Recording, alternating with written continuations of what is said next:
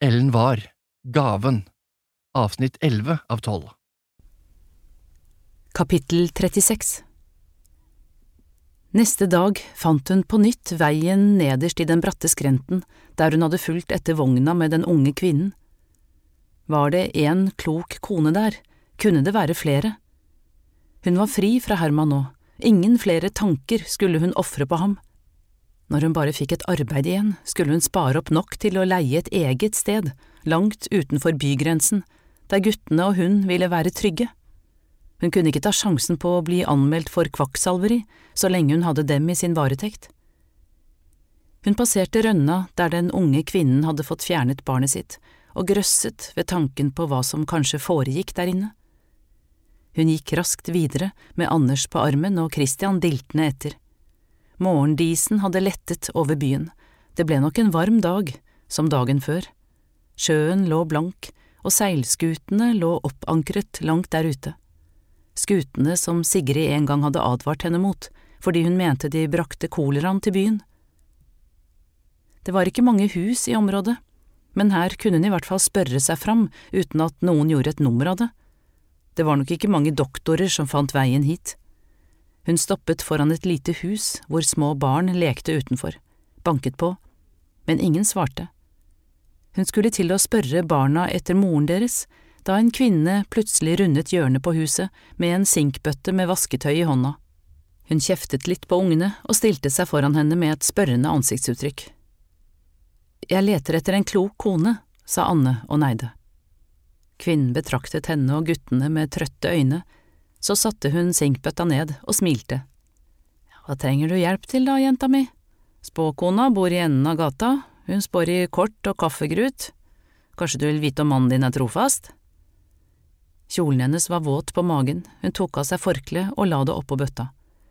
Det bor ei iglekone i huset nedenfor, spørs hva du er ute etter da, vet du.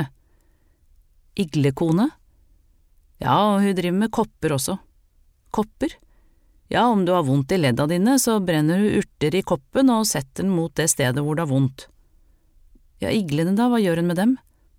Hun har dem i glass, med vatt og vann, bruker dem på ryggvondt, ørebetennelse og tannverk. Hun festet noen hårfloker som hadde løsnet fra en knute i nakken. Hvordan da? Anne så ned, hun skammet seg for å grave og spørre, men om hun skulle komme noen vei, kunne hun ikke gjemme seg bort lenger. Og kvinnen som sto foran henne, virket bare glad for å slå av en prat, det kom liv i de trøtte øynene. De suger til seg det vonde blodet, til de blir vomdigre og mette, og så faller de av huden. Så legger hun dem ned igjen i glasset sitt og fortsetter med en av de sultne iglene, da, helt til du blir frisk. Er det ikke vondt, da, når iglene biter seg fast? Nei da, alt du merker er et lite napp i huden, jeg har prøvd det sjøl, jeg, en gang jeg hadde tannverk. Kvinnen gapte høyt og pekte inn i munnen. Hvordan vet kona hvor hun skal sette iglene, da, hvor det er vondt, mener jeg? Nei, det veit de godt sjøl, de vandrer rundt til de finner den vonde flekken, og så stikker de hull og suger og suger blod til smertene blir borte. Men prøv da vel hvis du har vondt et sted. Nei, Anne ristet på hodet, jeg vil heller bli spådd. Noen kyr sto og gresset nede i skråningen ved Loelva. Hun stoppet og pekte på dem så Christian skulle få se, før de fortsatte bortover mot huset i enden av gata, hånd i hånd. Hun banket på. Spåkona som åpnet, betraktet henne med mørke, skarpe øyne, før hun slapp henne inn i et beskjedent, lite rom.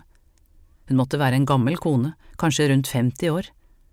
Inne i rommet ble de sittende på hver sin stol, med et lite bord mellom seg. Kortene lå klare foran henne på bordet. Jeg ser noe stort for deg, sa spåkona da hun hadde lagt alle kortene utover bordplata. Anne svelget og så forventningsfullt på henne. Men du mangler noe for å komme dit. Hva da? Tro, sa spåkona og tørket hendene på det stripete kjoleforkleet. Tro på det du har fått fra Den allmektige. Øynene boret seg inn i hennes.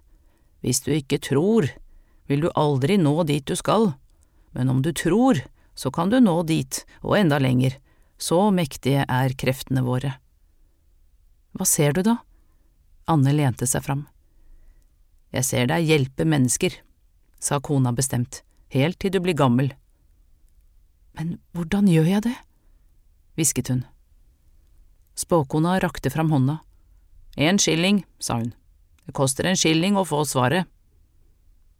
Husleien hadde tatt det meste, det var ikke mange skillingene hun hadde tilbake. Hun stakk hånda inn bak Anders som lå og sov tungt mot brystet, og fant innerlomma. Der lå myntene ved siden av morens giftering, og den ville hun uansett ikke av med. Så kikket hun ned på Christian som satt på gulvet ved siden av stolen hennes og sov.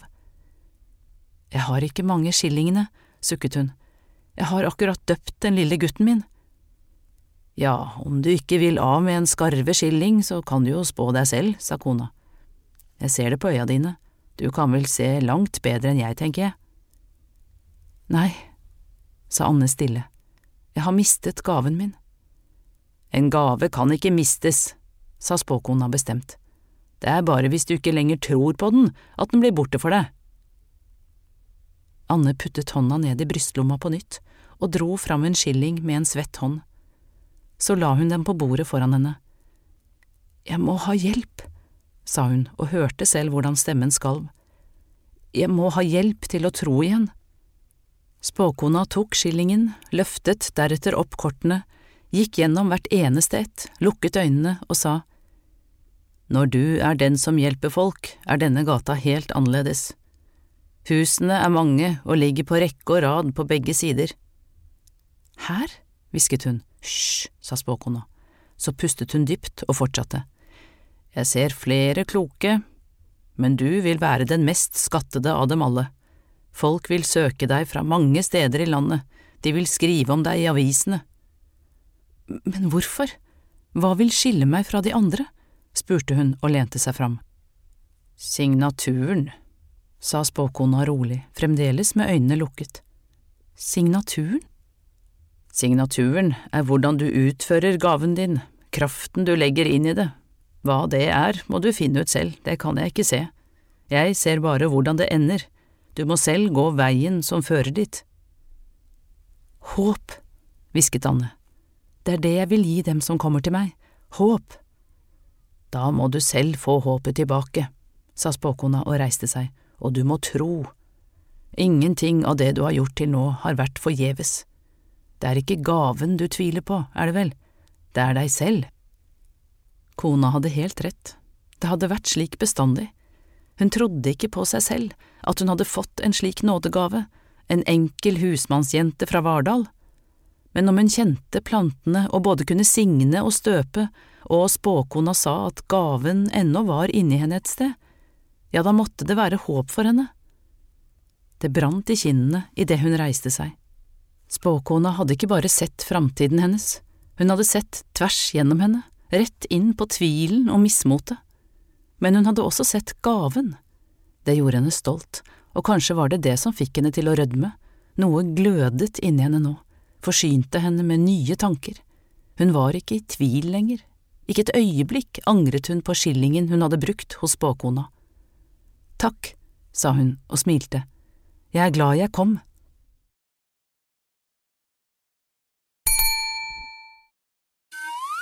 Denne går ut til alle dere foreldre som ønsker at barna deres skal bevege seg mer. Bare husk på dette lille verset. Bort med mobilen, alle mann, så drar vi til Leos lekeland. Lek så mye du vil til 20. juni. Gå ikke glipp av tilbudet Springpass. Vi ses på Leos.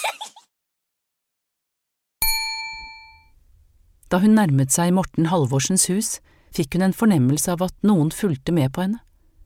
Hun snudde seg langsomt og speidet over på den andre siden av gata. Selv om det var begynt å mørkne, kunne hun se at det sto noen der, lent opp mot et tre, og at den fremmede ikke var kledd som de andre som ferdedes i dette strøket. Hatt og frakk var ikke et vanlig syn langs gatene i gamlebyen. Den høye skikkelsen krysset gata. Vent her, hun klappet Christian rolig på skulderen og gikk mannen i møte med Anders på armen. Herman sto like foran henne, så nær at hun kjente den sterke brennevinslukten. Den var ikke søt som før, bare sterk. Hadde han vært hjemme likevel? Hadde han sett henne?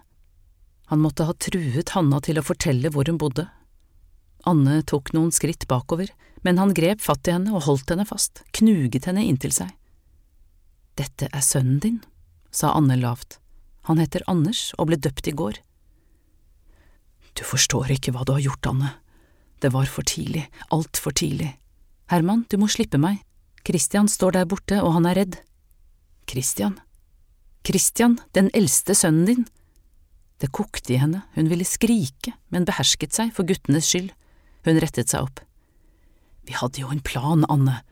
Hva tror du jeg følte da presten kom hjem til meg under middagen i går kveld og ville høre om det medførte riktighet at jeg var far til det uekte barnet som var oppført som Anders Oluf Øyseth? Endelig slapp han taket. Og hva svarte du? Hun rettet seg opp. Jeg svarte ja, Anne, ropte han. Hører du? Ja, jeg hører, sa hun rolig. Så spurte han om jeg sørget for sønnen min, som om jeg var en sviker, noe mindre enn en rettskaffen mann. Så han truet ikke deg med straff, da, slik han truet meg? Hun så ham rett inn i øynene uten å vente på svar. Du har forlovet deg, hører jeg? Han rygget bakover. Nei, du forstår ikke. Wilhelmine er jo ikke… Det er jo deg, oss. Anne kjente at han ikke hadde makt over henne lenger. Hun var helt uredd, sterk. Hva skal du med en tjenestepike med to uekte barn, Herman, du som er formann i Gullsmedlauget og som har skapt selveste arvefyrstekronen, hva skal du med meg? Han stivnet. Jeg er ingen lenger, snøvlet han, ordene var utydelige. Hva mener du? Det var nesten så hun følte hun måtte klappe ham på armen, han så så forkommen ut. Det blir ingen kroning. Han svelget et hulk. Blir det ingen kroning? Han så på henne med store, forrettede øyne. Biskop Riddervold har nektet å krone dronning Josefine. Kronen var alt som hadde betydd noe for ham, det var nesten så hun syntes synd på ham der han krøket seg sammen. Hvorfor har biskopen nektet det? Fordi dronningen er katolikk. Og da blir ikke den lille kronprinsen kronet heller? Han ristet på hodet igjen. Lille kronprins Carl, hvisket han. Hva med kronen? Den er fraktet med vakter til Munchs tårn på Akershus festning. Leppene skalv som på en liten gutt, øverst i tårnet, ubrukt og innelåst, i regalierommet, sammen med de andre kronregaliene, jeg har ingenting igjen, Anne, ingenting. Om dette var Guds vilje, ga det henne ingen glede, uansett hvor mye hun fryktet den kronen, var det vondt å se ham slik. Hva sier forloveden din til det? Sinnet hennes var borte nå. Og hun bryr seg ikke om kronen i det hele tatt, hun bryr seg ikke om annet enn å ta seg ut og huset fullt av skvaldrende fruntimer. Han gynget fram og tilbake. Plutselig kjente hun den lille hånda til Christian ta tak i kjolen hennes, han gråt. Han ser tynnkledd ut, er han sulten? Herman grep hånda hennes og holdt den fast. Den var ru mot hennes, nesten som en grov arbeidshånd, det var nok alt arbeidet med kronen. Mor, kom, mor. Christian dro i kjolen hennes. Vi må gå nå. Hun tok Christian i hånda og begynte å gå mot huset. Herman ropte etter henne.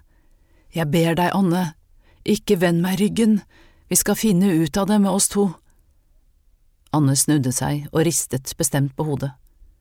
Du kan kjøpe store, vakre perler, du kan kjøpe kvinner som passer inn i din verden, men du kan ikke kjøpe kjærlighet, Herman. Så gikk hun noen skritt tilbake mot ham. Det var synd med kronen. Du forstår ikke, jeg trengte pengene, jeg mistet Akersgaten, kronen krevde alt, og Wilhelmina kom og reddet meg ut av uføret. Kirkegaten går også nå, vi flytter til Nedre Slottsgate, inn i gården til Wilhelminas mor. Jeg har aldri glemt deg, Anne. All den tid jeg satt med kronen, var det tanken på at det en dag skulle bli oss som holdt meg gående, som ga meg håp. Farvel, Herman. Nei, ropte han og grep etter henne. Det så ut som om han skulle til å falle. Hun smilte lett til ham, før hun vendte seg om igjen. Det var ikke vanskelig denne gangen. Hun hadde fått troen tilbake. De skulle klare seg. Del tre Dragehodeblomsten Kapittel 37 Kristiania, juli 1848 Det var ikke mange ute i gatene, bare et og annet bud og noen tjenestepiker ved vannposten. Morgenrøden lå over Stortorvet, og der sto han, vennen hennes, og lente seg inntil byvekten, som om han hadde stått akkurat der hele tiden og ventet på henne. Da han oppdaget henne, kom han henne raskt i møte. Han så annerledes ut, sterk og kraftig. Øynene hadde glød, han var frisk i kinnene, klærne var nye. Det var som om hun ikke riktig hadde sett ham noen gang, ikke før nå. Det var Hanna som hadde fortalt at Jon var i Kristiania, at han lette etter henne på torvet, at det hastet, og at hun skulle passe guttene mens Anne gikk for å treffe ham. Hun hadde møtt Hanna noen ganger, på vei til eller fra vannposten på Stortorvet, gjennom de siste tre årene. Hun hadde unnskyldt seg for den dagen hun kom til Kirkegata, og Hanna sa at alt var tilgitt. Så hadde hun fortalt Hanna om planene sine, at hun sparte, at hun skulle tjene opp nok penger til å leie et sted utenfor byen, at det eneste hun ville var å hjelpe de som led og var syke. Så hadde Hanna fått det for seg at hun skulle hjelpe henne, og hun og noen av de andre tjenestepikene begynte å si fra om steder hvor de trengte hjelp i huset. Det kunne være vasking av trapper, bæring av vann, diverse ærender rundt i byen, og hun takket ja til alle jobber som lot henne ha guttene med. Jon sparket lett borti noen steiner med den ene støvelen mens han kikket på henne. Så rakk han ut en hånd, tok tak i haken hennes og vendte ansiktet hennes varsomt opp mot hans. Det var visst ikke meningen med oss to, Anne, men det har vel du skjønt for lengst. Hun skalv under den ru hånda. Han hadde jo rett, hun hadde skjønt det for lenge siden, men hvorfor presset da tårene likevel sånn på? Han strøk henne over kinnet. Du skal ikke være redd, Anne, jeg har også forstått det, at vi to ikke drømmer om det samme. Hun svelget, svelget og svelget på den klumpen hun hadde hatt i halsen så lenge hun kunne huske. Alt jeg ønsker meg er et eget jordstykke jeg kan dyrke, en familie å gjøre det for. Han så henne rett inn i øynene. Du har alltid gått dine egne veier, du, Anne. Det er så mange ting som har hendt, Jon, hvisket hun, og jeg har aldri riktig fortalt deg om det jeg har båret på helt siden vi var små. Jeg vil gjerne høre det nå, Anne. Igjen vendte han ansiktet mot hennes, men denne gangen smilte han, og de varme, brune øynene fanget hennes. Kom, så går vi opp til festningsvollen, så kan du fortelle på veien. Det var begynt å komme flere mennesker til torvet nå. Boder ble satt opp, varer funnet fram fra kurver og kasser. De fant veien forbi den røde stattholdergården og fant en sti som gikk oppover mot toppen av festningsvollen. De gikk stille ved siden av hverandre, akkurat slik de hadde gått hjemme i Vardal, som om de ikke hadde vært fra hverandre en eneste dag. Alt føltes så naturlig plutselig, som om det eneste riktige i hele verden ville være å fortsette å gå ved siden av ham for bestandig. Det begynte med Elseby, sa Anne forsiktig. Eller nei, rettet hun seg selv, det begynte med alle de små, uforklarlige tingene jeg opplevde da jeg var liten, som ingen andre så eller hørte. Det fikk meg til å føle meg annerledes, at det var noe jeg måtte skjule, noe som jeg skammet meg over. Hun skottet bort på ham.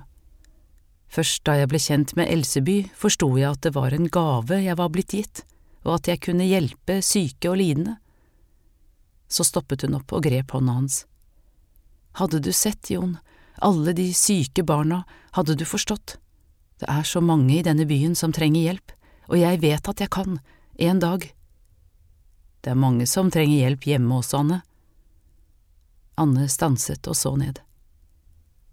Jeg har to uekte barn, Jon. To gutter som jeg kjemper for hver eneste dag. Jeg kan ikke reise hjem. Han snudde seg og stirret på henne, og det var da hun så det i øynene hans, at hun ikke tilhørte ham lenger. Nå var det ingenting å skjule lenger, hun måtte fortsette, hun måtte fortelle ham alt.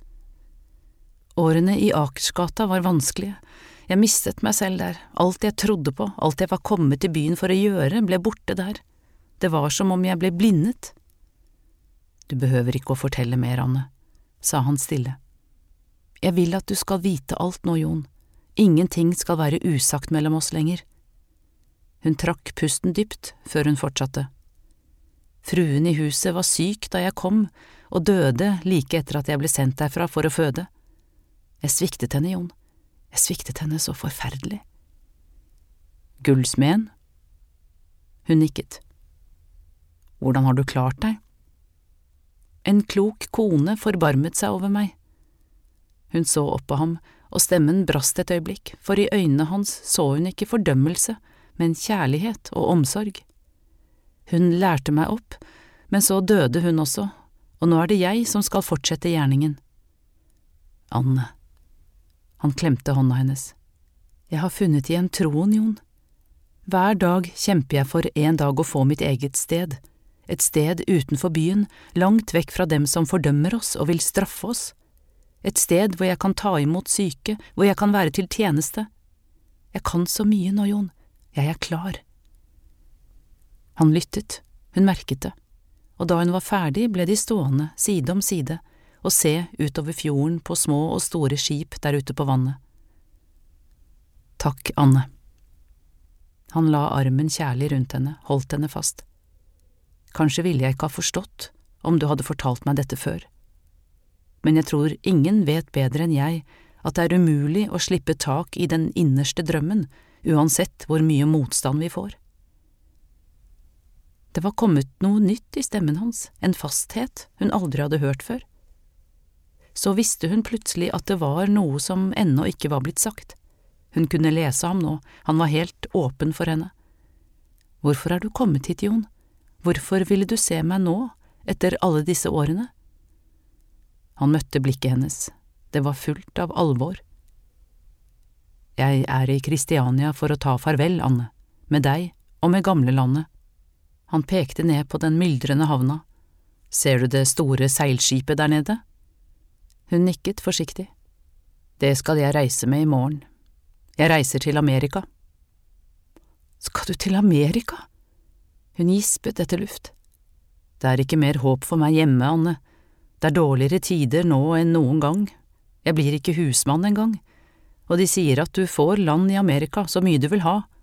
Jeg har snakket med noen som har fått brev derfra. Jeg skal bli bonde, Anne, storbonde, jeg skal ha min egen gård. Han forklarte ivrig, viftet med hendene. Var det virkelig det hun sto og hørte? Det var derfor jeg kom det året da vi skulle treffes, for å kjøpe billett. Jeg ville høre om du ville bli med meg. Han svelget og så ned, men så samlet han seg, så opp på henne, klar i blikket. Men nå vet jeg godt at din plass er her, Anne. Hun grep fatt i hånda hans. Tenk at det var blitt slik. Hun så dem for seg i det hemmelige hulrommet i eika, sittende på den rødbrune bakken med hodene tett inntil hverandre. Hun så dem for seg på hver sin tykke gren, der de lå og stirret opp mot den blå himmelen gjennom trekronen. Hun så dem for seg i det forrykende snødrevet mellom Sevald og Mustad, og i den hete midtsommernatten da hun lente seg inntil det varme brystet hans. Var hennes plass virkelig her, i disse golde gatene med vannbøtter som lagde røde blodrenner i hendene og et lite krypinn til hjem for henne og guttene? Det var med ett vanskelig å se det, men hun så dem heller ikke sammen på den andre siden av havet. Jeg har spart, sa han og rykket henne ut av tankene, hver eneste skilling siden du reiste for sju år siden. Jeg har jobbet rundt på gårder, mest Mustad og Brusveen, og så har jeg solgt egne varer på markedet, karer jeg har laget.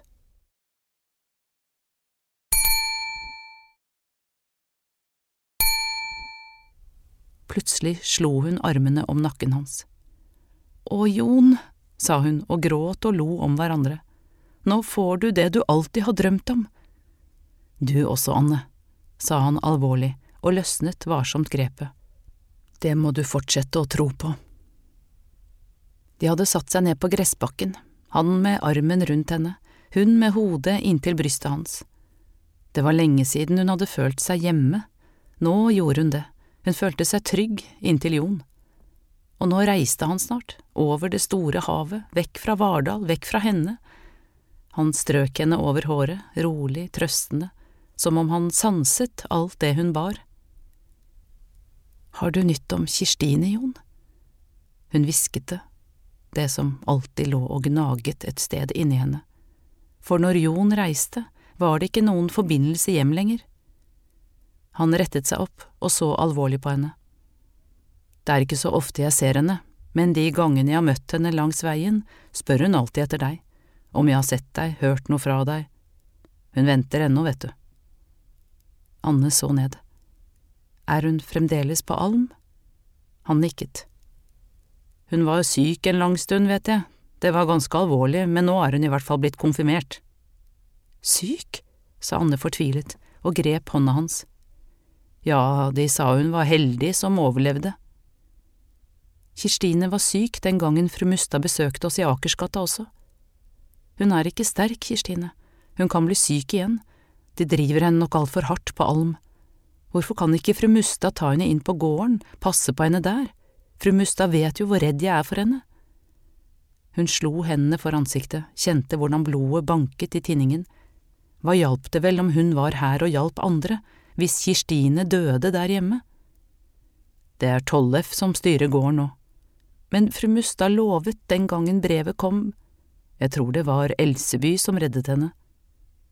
Hun så opp på ham. Elseby?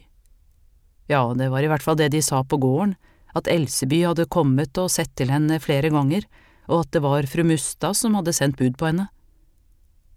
Anne så forundret opp på ham. Hentet fru Mustad Elseby hjem til Kirstine? Det var som en hel vårløsning inni henne. Hun gråt og hikstet, og først da det kjentes som om ingen tårer var tilbake, merket hun det. Klumpen var borte. Kapittel 38 Skipet gled utover fjorden. En mild vind fylte de store, hvite seilene. Det var flest ungkarer som hadde gått om bord, noen kvinner også, og noen barn, ingen gamle, Passasjerene sloss om plassen ved rekka for å få vinket farvel til sine. Jon hadde hatt med en reisekiste med mat til overfarten og kokekar til å lage den i. Han hadde åpnet lokket, og stolt hadde han vist henne og guttene spekeflesk, salt kjøtt og sild. Så hadde han pekt på erter, gryn, poteter og flatbrød, og til slutt smør, surmelk og øl, og mel til grøt. Et grovt ullteppe til natten hadde han også. De skulle hvile og sove i halmen nede på mellomdekket, forklarte han. Det eneste vi får er vann og kokeved. Han hadde tatt tak i hånda hennes og lent seg fram og kysset henne på kinnet. Og hun hadde ledd og sagt at nå måtte han skynde seg om bord om han skulle komme seg til Amerika i tide. Så hadde han tatt fram en skilling til hver av guttene. Ta godt vare på moren deres, det må dere love meg. Noen ved siden av henne gråt, andre viftet med lommetørklær. Det var en alvorsstund, nesten høytid. Endelig er Jon fri, tenkte hun, fri fra alt det tunge arbeidet for andre, fri fra henne. Selv hadde hun mistet sin aller beste venn, men likevel følte hun også seg så merkelig fri og åpen, som om ett liv var avsluttet og et nytt kunne begynne. Og etter samtalen de hadde hatt, visste hun at hun aldri helt kunne miste ham, uansett hvor i verden de befant seg. Flokken løste seg opp, men hun ble stående og se etter skipet. Anders hadde krabbet opp på en tønne og dinglet med bena, han satt og så på en mann som trakk opp små fisk lenger borte på havna. Jeg vil også være med, sa han plutselig og begynte å gråte. Det er en lang reise, Anders. Hun smilte og klappet ham på hodet. Kommer Jon tilbake? Christian beundret skillingen som lyste i hånda. Nei, Christian. Hun tørket øynene hans. Han får det altfor travelt. Han er allerede 33 år og skal bygge en hel gård. Så løftet hun Anders ned fra tønnen, passet på at skillingen lå trygt plassert i lomma hans, tok en gutt i hver hånd og begynte å bevege seg vekk fra havna. Det var allerede sent på formiddagen, og hun måtte gå ærender. Husverten var ikke blitt mildere med årene. Se, mor! Christian pekte plutselig over på den andre siden av gata. En mann vinker til oss. Se en annen vei, sa hun strengt. Men mor, han ser snill ut. Det var riktig nok. Det sto en ung mann og vinket i deres retning. Han måtte ta feil, trodde nok at han kjente dem, men da hun skottet bort en gang til, bukket han. Kom, så går vi. Hun løftet Anders opp på armen så de kunne gå fortere. Den unge mannen løp over gata og kom mot dem med raske skritt. Unnskyld, jeg mente ikke å skremme dem, jeg trodde kanskje at de husket meg. Anne ristet på hodet og rettet på en fold i skjørtet med den ledige hånda. Øynene til den fremmede var så klare og lyseblå. Plutselig var det som om alt var i bevegelse. Ikke bare skipet, som sakte gynget ut på åpent og ukjent hav, men også noe inni henne. Den unge mannen som sto foran henne, var gråsteinsmureren, han som hadde tatt med den syke jenta til Berit på kampen. Nå husket hun ham, han hadde vært så god mot den lille. Hvordan står det til med den lille jenta? spurte hun ivrig. Så du husker meg, altså? Han smilte til henne og lo. Hun er frisk som bare det. Og så ble han alvorlig. Men jeg hørte om elendigheten med Berit. Hvordan har det gått med deg og den lille gutten din? Jeg ser du har to nå, forresten. Han så bort på guttene. Anne så ned, kjente at hun ble varm i kinnene. Hun visste ikke hva hun skulle si til det, men mannen fortsatte bare å prate. Jeg er ikke ukjent med kloke koner, forstår du. Moren min hjalp også de syke da hun levde, men hun signet ikke slik som Berit. Hun plukket urter om sommeren, som hun brukte til medisin, og bak stua vår hadde hun en urtehage. Er det sant? Anne stirret forundret på ham. Han nikket. Hva heter du, forresten? Anne Marie Andersdatter. Hun rettet seg opp i ryggen. Og dette er guttene mine. Hvor gamle er de, da? Christian er fire og et halvt, og Anders er tre. Han tok begge to høytidelig i hånda og bukket. Hun skyndte seg å si, Vi tre er alene. Hun ville ikke lyve mer, det var mye verre enn skammen. Dere er vel noen fine gutter som er ute og går med moren deres? Han klappet Christian på hodet. Hva heter du da? spurte Christian. Jeg heter Kristen Evensen. Skip, sa Anders og pekte utover fjorden. Kristen smilte og tok tak i ham og kastet ham opp i lufta. Anders hvinte lykkelig, mens Christian sto stille ved siden av og så på. Kristen så alvorlig på ham. Du som er så stor gutt, vil kanskje være med meg bort til fiskehallen og se på en stor og stygg fisk ved sadelmakerhullet, ja, hvis du får lov av moren din, da. De rundet bryggekanten, og da de var kommet hele veien rundt på andre siden, pekte Kristen. Se der, der er sadelmakerhullet. Foran dem lå en firkantet havn med en steinsatt kant omkring, og fulgt opp med små og store sjøboder langs alle kantene. Det yret av liv. Små fiskebåter lå klemt inntil den ene kanten, og store fiskekummer lå klemt inntil den andre og fylte hele bassenget. Folk sto og hang langs havnekanten mens andre solgte og handlet. Vi får gå raskt forbi den boden det er skjenkested i, lo Kristen og tok guttene i hver sin hånd. De passerte fiskekonene i Borkehullet, sildetønner og tørrfisk, og fortsatte over Langbrygga, en bred gang av planker og peler som lå foran alle lagerhusene. Anne gikk stille ved siden av, som om det ikke helt var virkelig det som skjedde. Likevel følte hun seg helt rolig. Ikke før hun dro kjensel på det mektige huset med søyler foran nede ved vannet, snakket hun. Hva er det bygget? Hun henvendte seg til Kristen. Jeg har sett det på vei til apoteket. Det er børsen, nederst i Tollbugata, forklarte Kristen ivrig. Det er et auksjonshus for kjøpmannsvarer og for skipene som kommer inn utenfra, og sadelmakerhullet ligger helt inntil børshaven. Hun skimtet to høye trær ytterst i det han kalte børshaven. Hun festet blikket på dem. Trær hadde alltid gjort henne så rolig, men like plutselig som hun hadde festet blikket på dem, var roen borte. For det var ikke vanskelig å se, rundt sadelmakerhullet var det både losjihus og flerfoldige kneiper. Dette var nok ikke et bra sted for guttene. Se, Kristen pekte, se på alle de små fiskebåtene som ligger fortøyd der borte. Hvor er den store, stygge fisken? Christian så opp på den nye vennen sin med store, spente øyne. Den er like her borte, men jeg vet ikke om du våger. Jo, jeg våger. Kristen tok hånda hans. Det er selveste sjødjevelen, altså. Christian så opp på Anne, ville ha hennes godkjennelse. Anne gløttet bort på Kristen igjen. Han var ung, men han virket så trygg og stødig, akkurat som hun husket ham. Hun tok Anders i den andre hånda, så de dannet en rekke, alle fire. Kom, så går vi. Kristen førte dem inn i en av sjøbodene. I et kar med vann lå en fisk så stygg at hun måtte rygge tilbake. Hun var ikke vant til å se fisk, men noen hadde hun da sett på markedet. Ingen hadde lignet på dette brune, slimete uhyret. Hodet var stort og bredt og virket altfor stort i forhold til resten av fisken. Munnen var halvåpen og gliste mot dem med skarpe tenner. Anders gjemte seg bak Christian.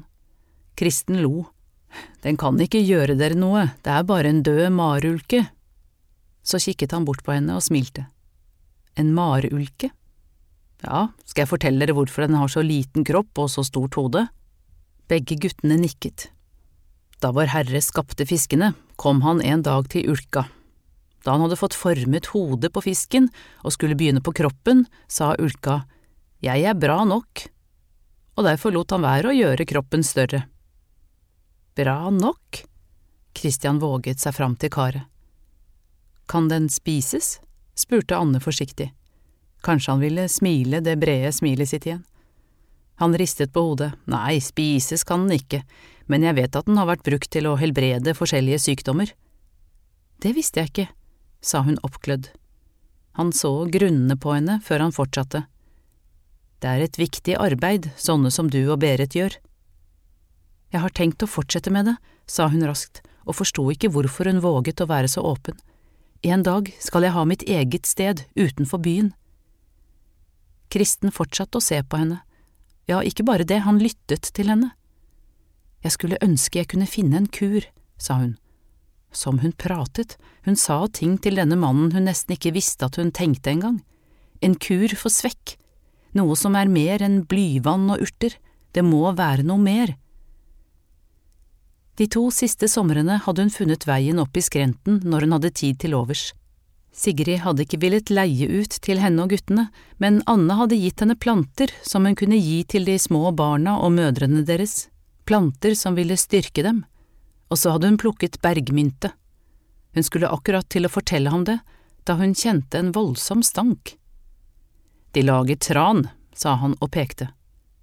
Borti en trebøtte lå det torskelever og råtnet, og på toppen fløt en tyktflytende gul olje. Hun holdt seg for munnen, stanken var nesten ikke til å holde ut. Guttene løp, og hun etter. Hjemme på gården ble tran brukt til å behandle skinn, sa hun da han nådde dem igjen. Kristen lo mot dem. Da kjente hun det. Noe var forandret i henne. Noe inni henne var blitt borte da skipet forsvant, men noe annet var blitt levende. Vi må hjemover nå. Jeg kan følge dere et stykke på veien. Om du vil, så. Har du kanskje lyst til å være med meg på tur en annen dag? Kristen snudde seg mot Christian. Ja, lo han lykkelig. Kan mor og Anders også være med? Klart de kan. I morgen? På søndag, sa Kristen og dro opp en skyggelue fra lomma og satte den kjekt på hodet. Alle de andre dagene murer jeg. Han så bort på henne, tok av skyggelua igjen og fiklet litt med den. Ja, hvis du vil, altså. Anne smilte forsiktig og nikket.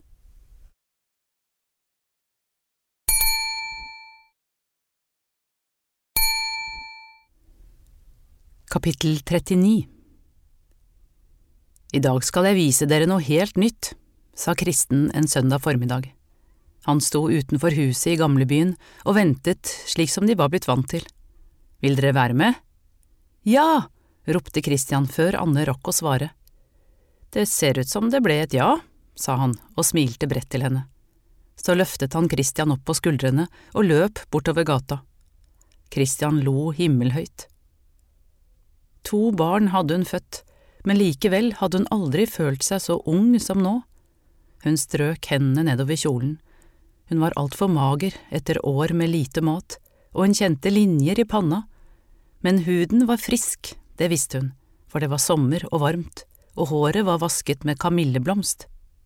Jeg ville besøke deg på byggeplassen, ropte Christian, men mor sa nei.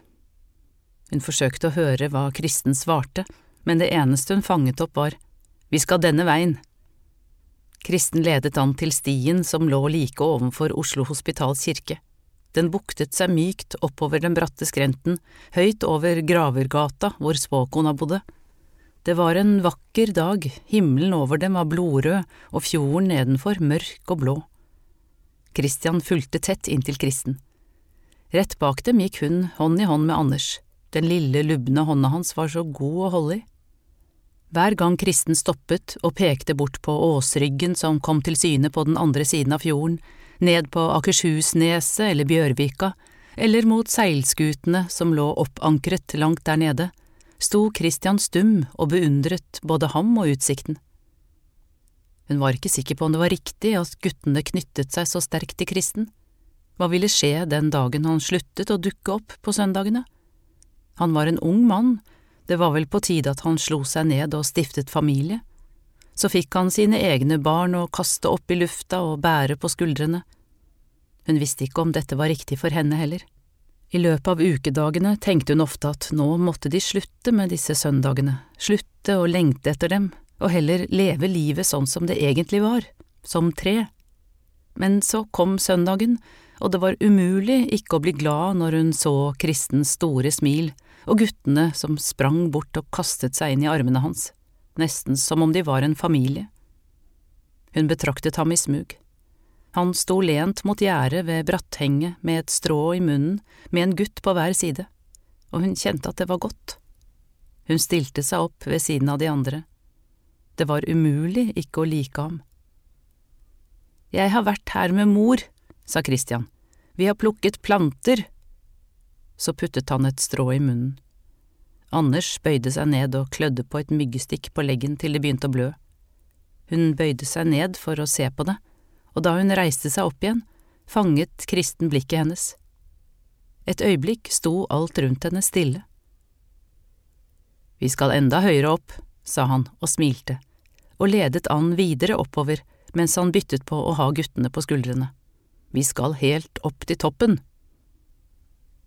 Hun tørket svetten av panna og tenkte på hvor god han var mot dem begge, mot dem alle tre. Ingenting var endret. Hovedgården lå stor og hvit og balanserte øverst oppe ved den bratte skrenten, akkurat slik hun husket den. Dypt under lå byen som en stor, varm gryte, og havna klar og åpen.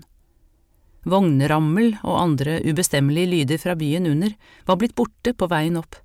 Her var det fred. Hun så mastene på et stort skip, og langt der borte skimtet hun de høye, skogkledde åsene. Hun snudde seg mot Kristen og smilte. Der borte bor jeg, sa Kristen stolt, under den fjellkammen der borte. Det var det jeg ville vise dere. Han pekte over på den andre siden av den grønne sletta, i motsatt retning av hovedgården, bort mot et skogholt. Der borte under Brannfjellet ligger det flere husmannsplasser, men den dere ser der borte, heter Ekeberglien. Langt der borte, på den andre siden av den store sletta, skimtet hun en liten stue omkranset av høye bjerketrær. Anne kjente en stor skjelving i hele kroppen. Det var som om hun kjente hver plante, hvert tre, hvert strå på plassen, uten at hun hadde sett noe av det før. Men hun behøvde ikke å se det for å vite, hun hadde sett det i drømmene. Guttene hvinte og lo mens de løp bortover sletta, blant gress, strå og blomster. Så var Kristens arm om skuldrene hennes.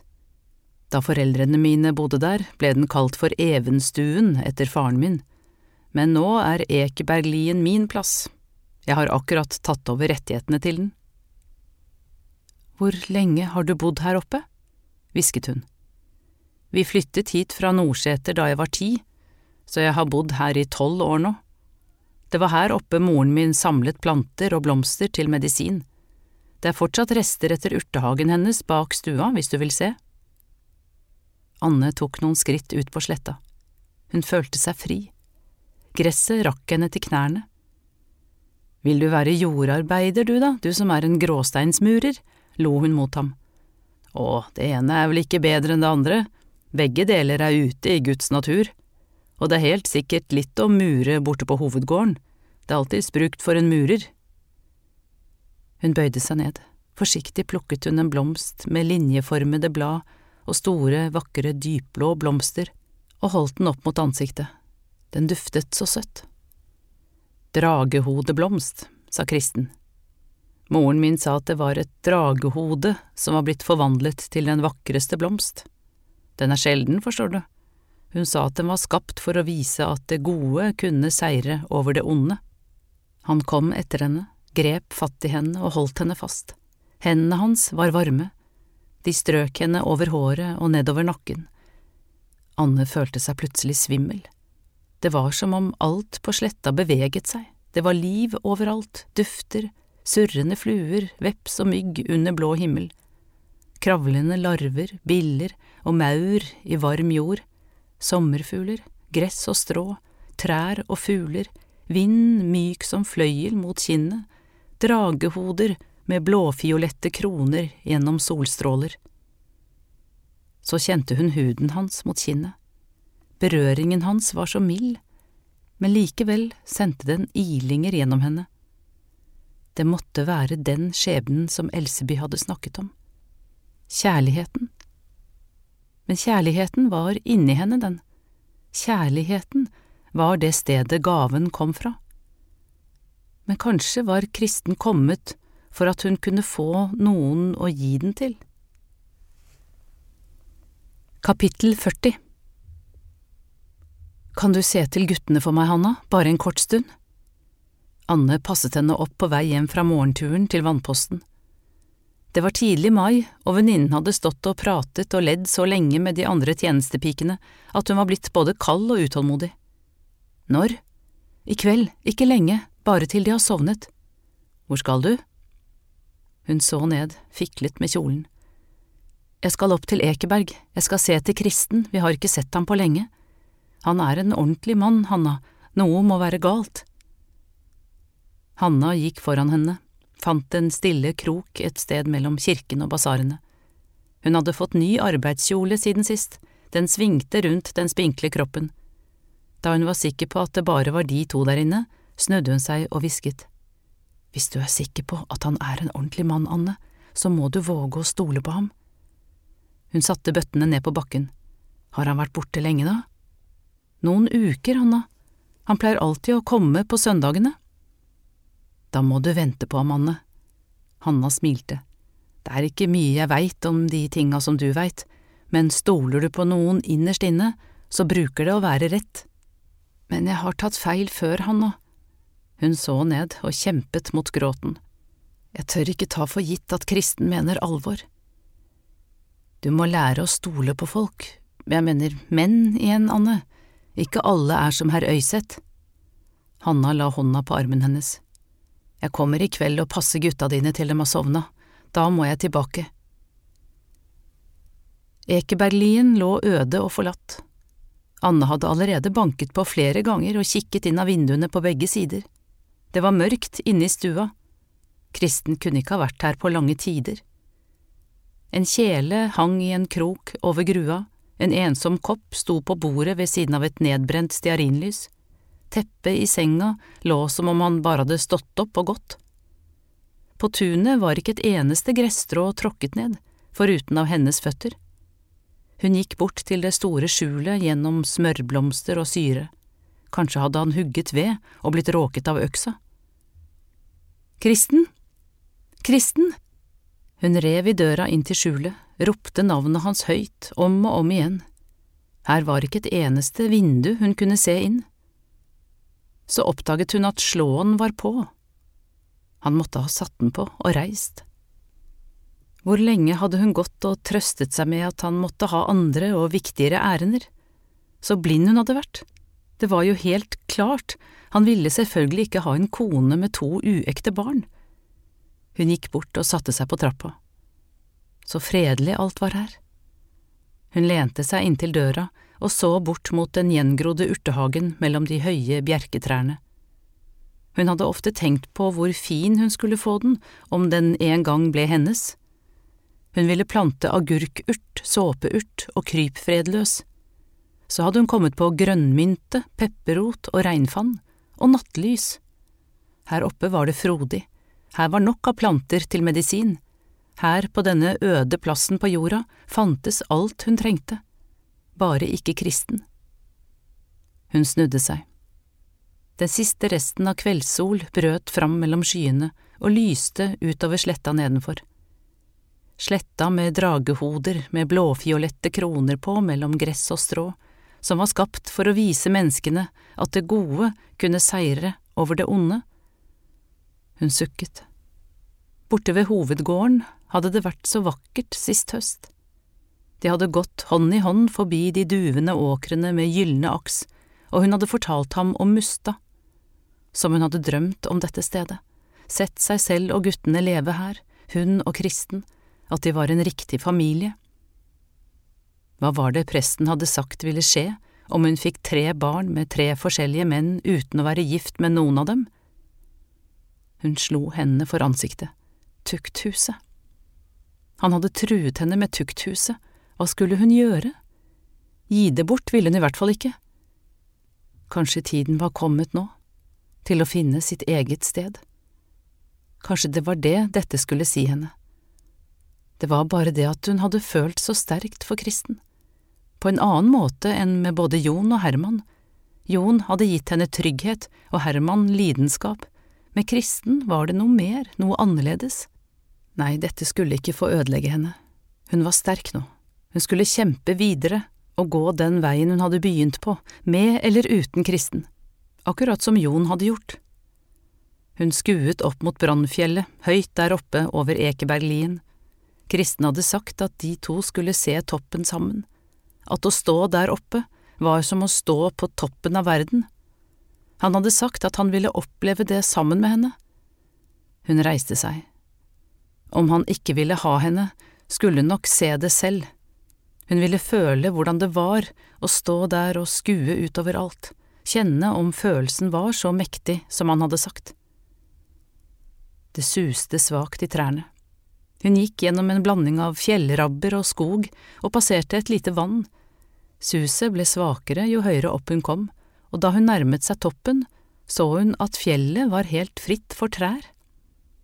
Hun gikk de siste skrittene fram, helt til hun sto øverst oppe. Først der våget hun å se. Hun løftet blikket. Det var som Kristen hadde sagt. Hun sto på verdens tak og skuet like utover hele skapelsen.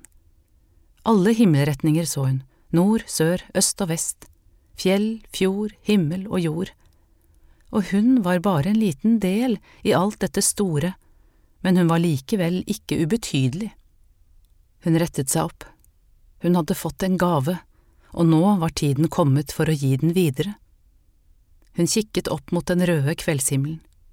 I morgen ville hun finne en plass for seg og guttene.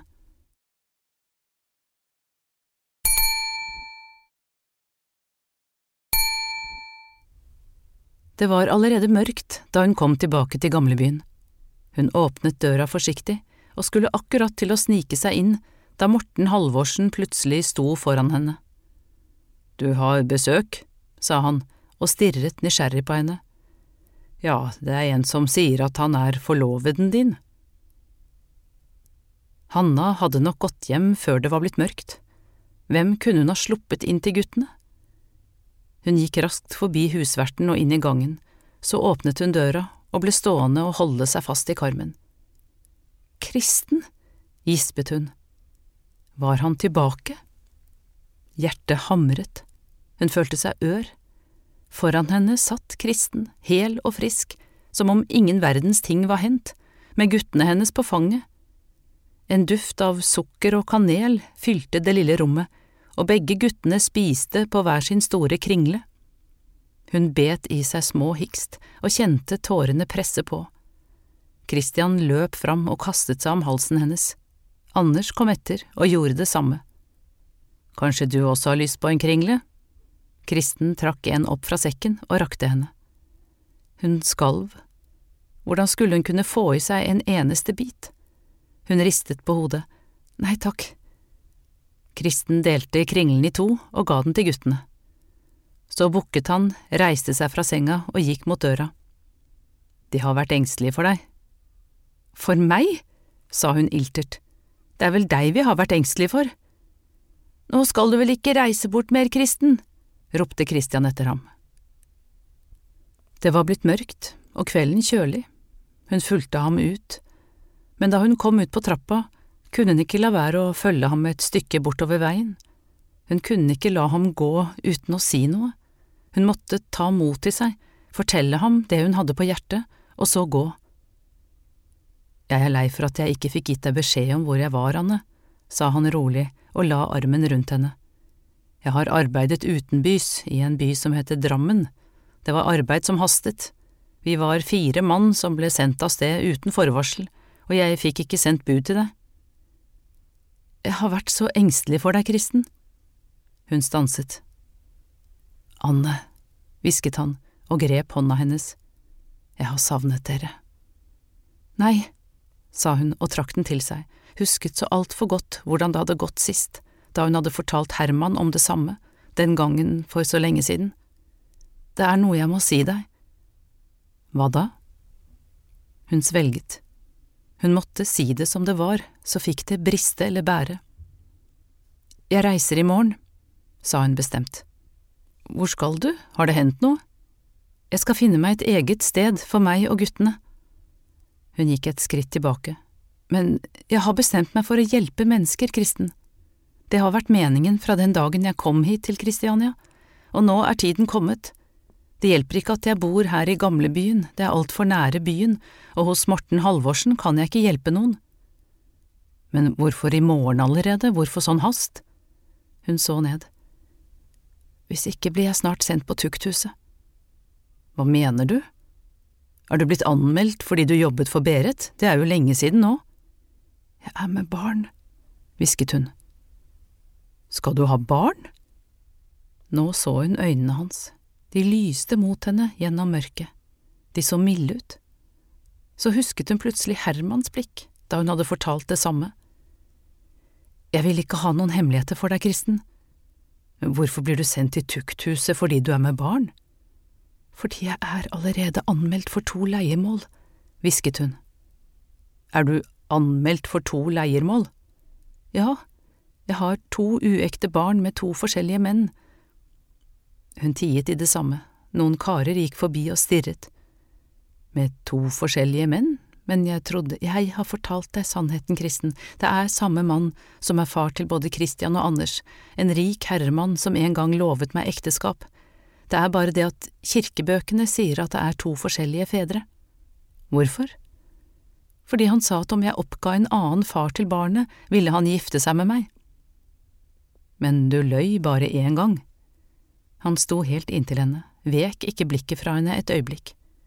Ja, som hun lengtet etter å legge hodet inntil ham og hvile. Faren til Christian er ikke den som er oppført i kirkebøkene, for Anders oppga jeg det riktige farsnavnet. Ikke bare hadde han lurt meg til å oppgi falskt navn første gang, han fikk meg til å tro at han fortsatt ville ha meg, men da Anders ble født, var han allerede forlovet med en rik frøken, og før året var gått hadde de to giftet seg.